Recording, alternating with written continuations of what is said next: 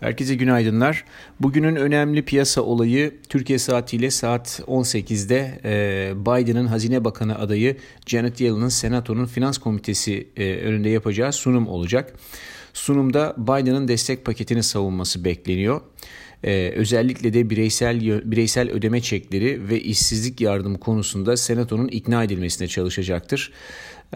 Ekonomik destek paketinin kaderi belli olana kadar Amerika'da bu tür tartışmalar ve açıklamalar görmeyi beklemeliyiz. Buradaki belirsizliğin doğal bir sonucu olarak da hisse senedi piyasasında negatif fiyatlama ihtimali yüksek. Bu sabah itibariyle baktığımızda Asya endekslerinin tümü ve Amerikan endeks vadelileri primli işlem görüyor. Amerikan endekslerinden Nasdaq %1'e yakın işlem görüyor. Artı da işlem görüyor. E, dolayısıyla bu da oradaki pozitif beklentiyi gösteriyor. Ancak yine senatoda e, demokrat adaylar arasında bile e, bu destek paketine e, itirazlar olduğunu düşünürsek işleri biraz zor.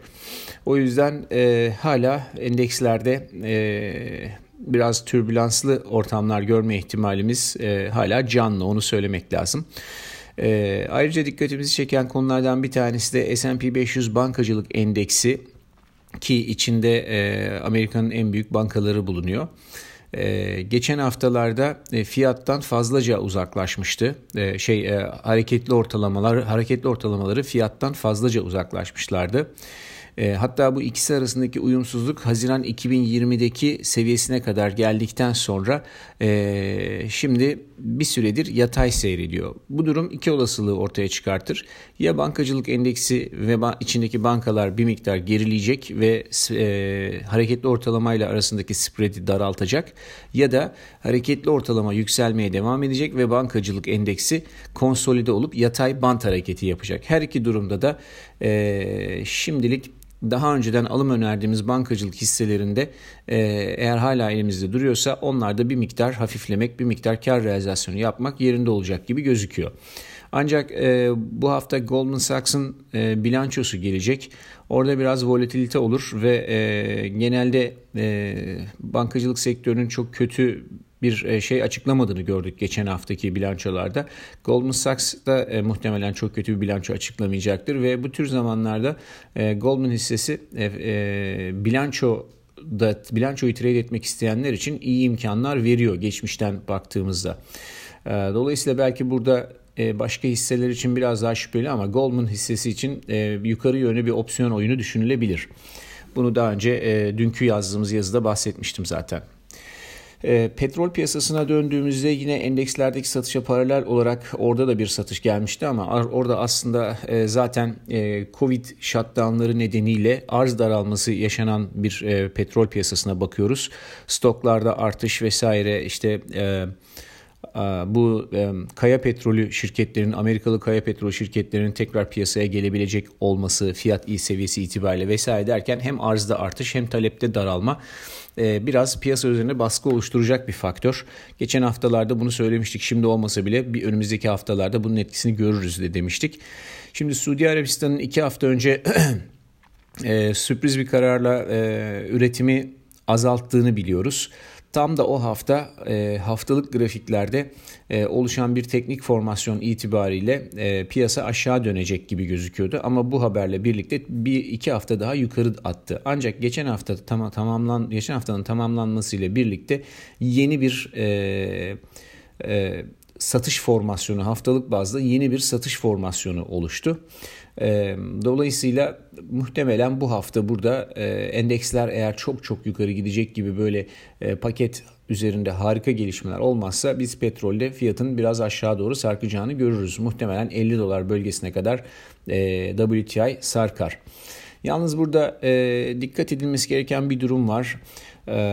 Bir aylık money opsiyon volatilitesine baktığımızda daha önceki satışlarda e, satışa paralel olarak bu opsiyon volatilitesinin hızla yukarı doğru döndüğünü görmüştük.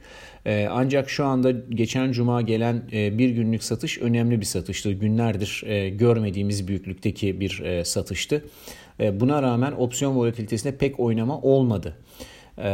Eğer bu tabii şunu gösterir bize e, bu satışın çok fazla derinleşmesini beklemiyor demek ki opsiyon piyasası ki e, vollerde çok fazla bir değişiklik olmadı. Ancak bunu tabii yakından de takip etmek lazım. Çok hızlı değişen bir değişken bu. E, eğer e, volatilite de yukarı doğru gidecek olursa o zaman e, petroldeki satış e, 50 doları da kırma ihtimali olur. Ta 40 40 e, işte 6 47 dolarlara kadar e, gelme ihtimali gündeme gelebilir. Ancak şu anda böyle bir durum yok. Olursa yine e, değerlendirmeye yakalamaya çalışırız. Kıymetli madenler tarafında altın ve gümüş dünkü hareketli ortalamaların e, bölgesinde işlem görüyorlar ve kısa süreli teknik görünüm e, yine biraz daha yukarı dönmüş gibi gözüküyor. E, çünkü bu hareketli ortalamanın üzerine atmaya çalışıyorlar. E, altın ve gümüşteki satışa neden olan reel getiri ve 10 yıllık tahvil getirisi konusu şimdilik rafa kalkmış görünüyor ve odak noktası e, alternatif fiyatlama olarak dolar endeksine kaymış vaziyette. Ama bu akşamki Yellen'ın yapacağı konuşma yine haber akışı açısından e, içinde kıymetli metallerinde olduğu birçok fiyatlamayı etkileyebilecek durumda. O yüzden e, o haberi izlemek lazım, o gelişmeyi izlemek lazım. Tahıl kompleksinde e, bir miktar geri çekilme olabileceğini e, yazıyordum. E, gerçekten de şu anda e, bugünkü açılışla birlikte biraz daha e, e, görünür bir şekilde daha öncesinde önden koşan Mısır ve Soya'da e, ufak bir kar realizasyonu görüyoruz. E, Mısır bu sabah şey soya bu sabah yüzde bir buçuk kadar aşağıda ve e, tahminen 1345 sent bölgesine kadar önemli bir desteği yok.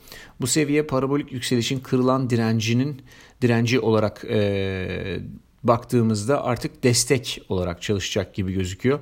Ee, Mısır'da ise yine benzer şekilde baktığımızda 497 sent 487 sent aralığı öne çıkıyor.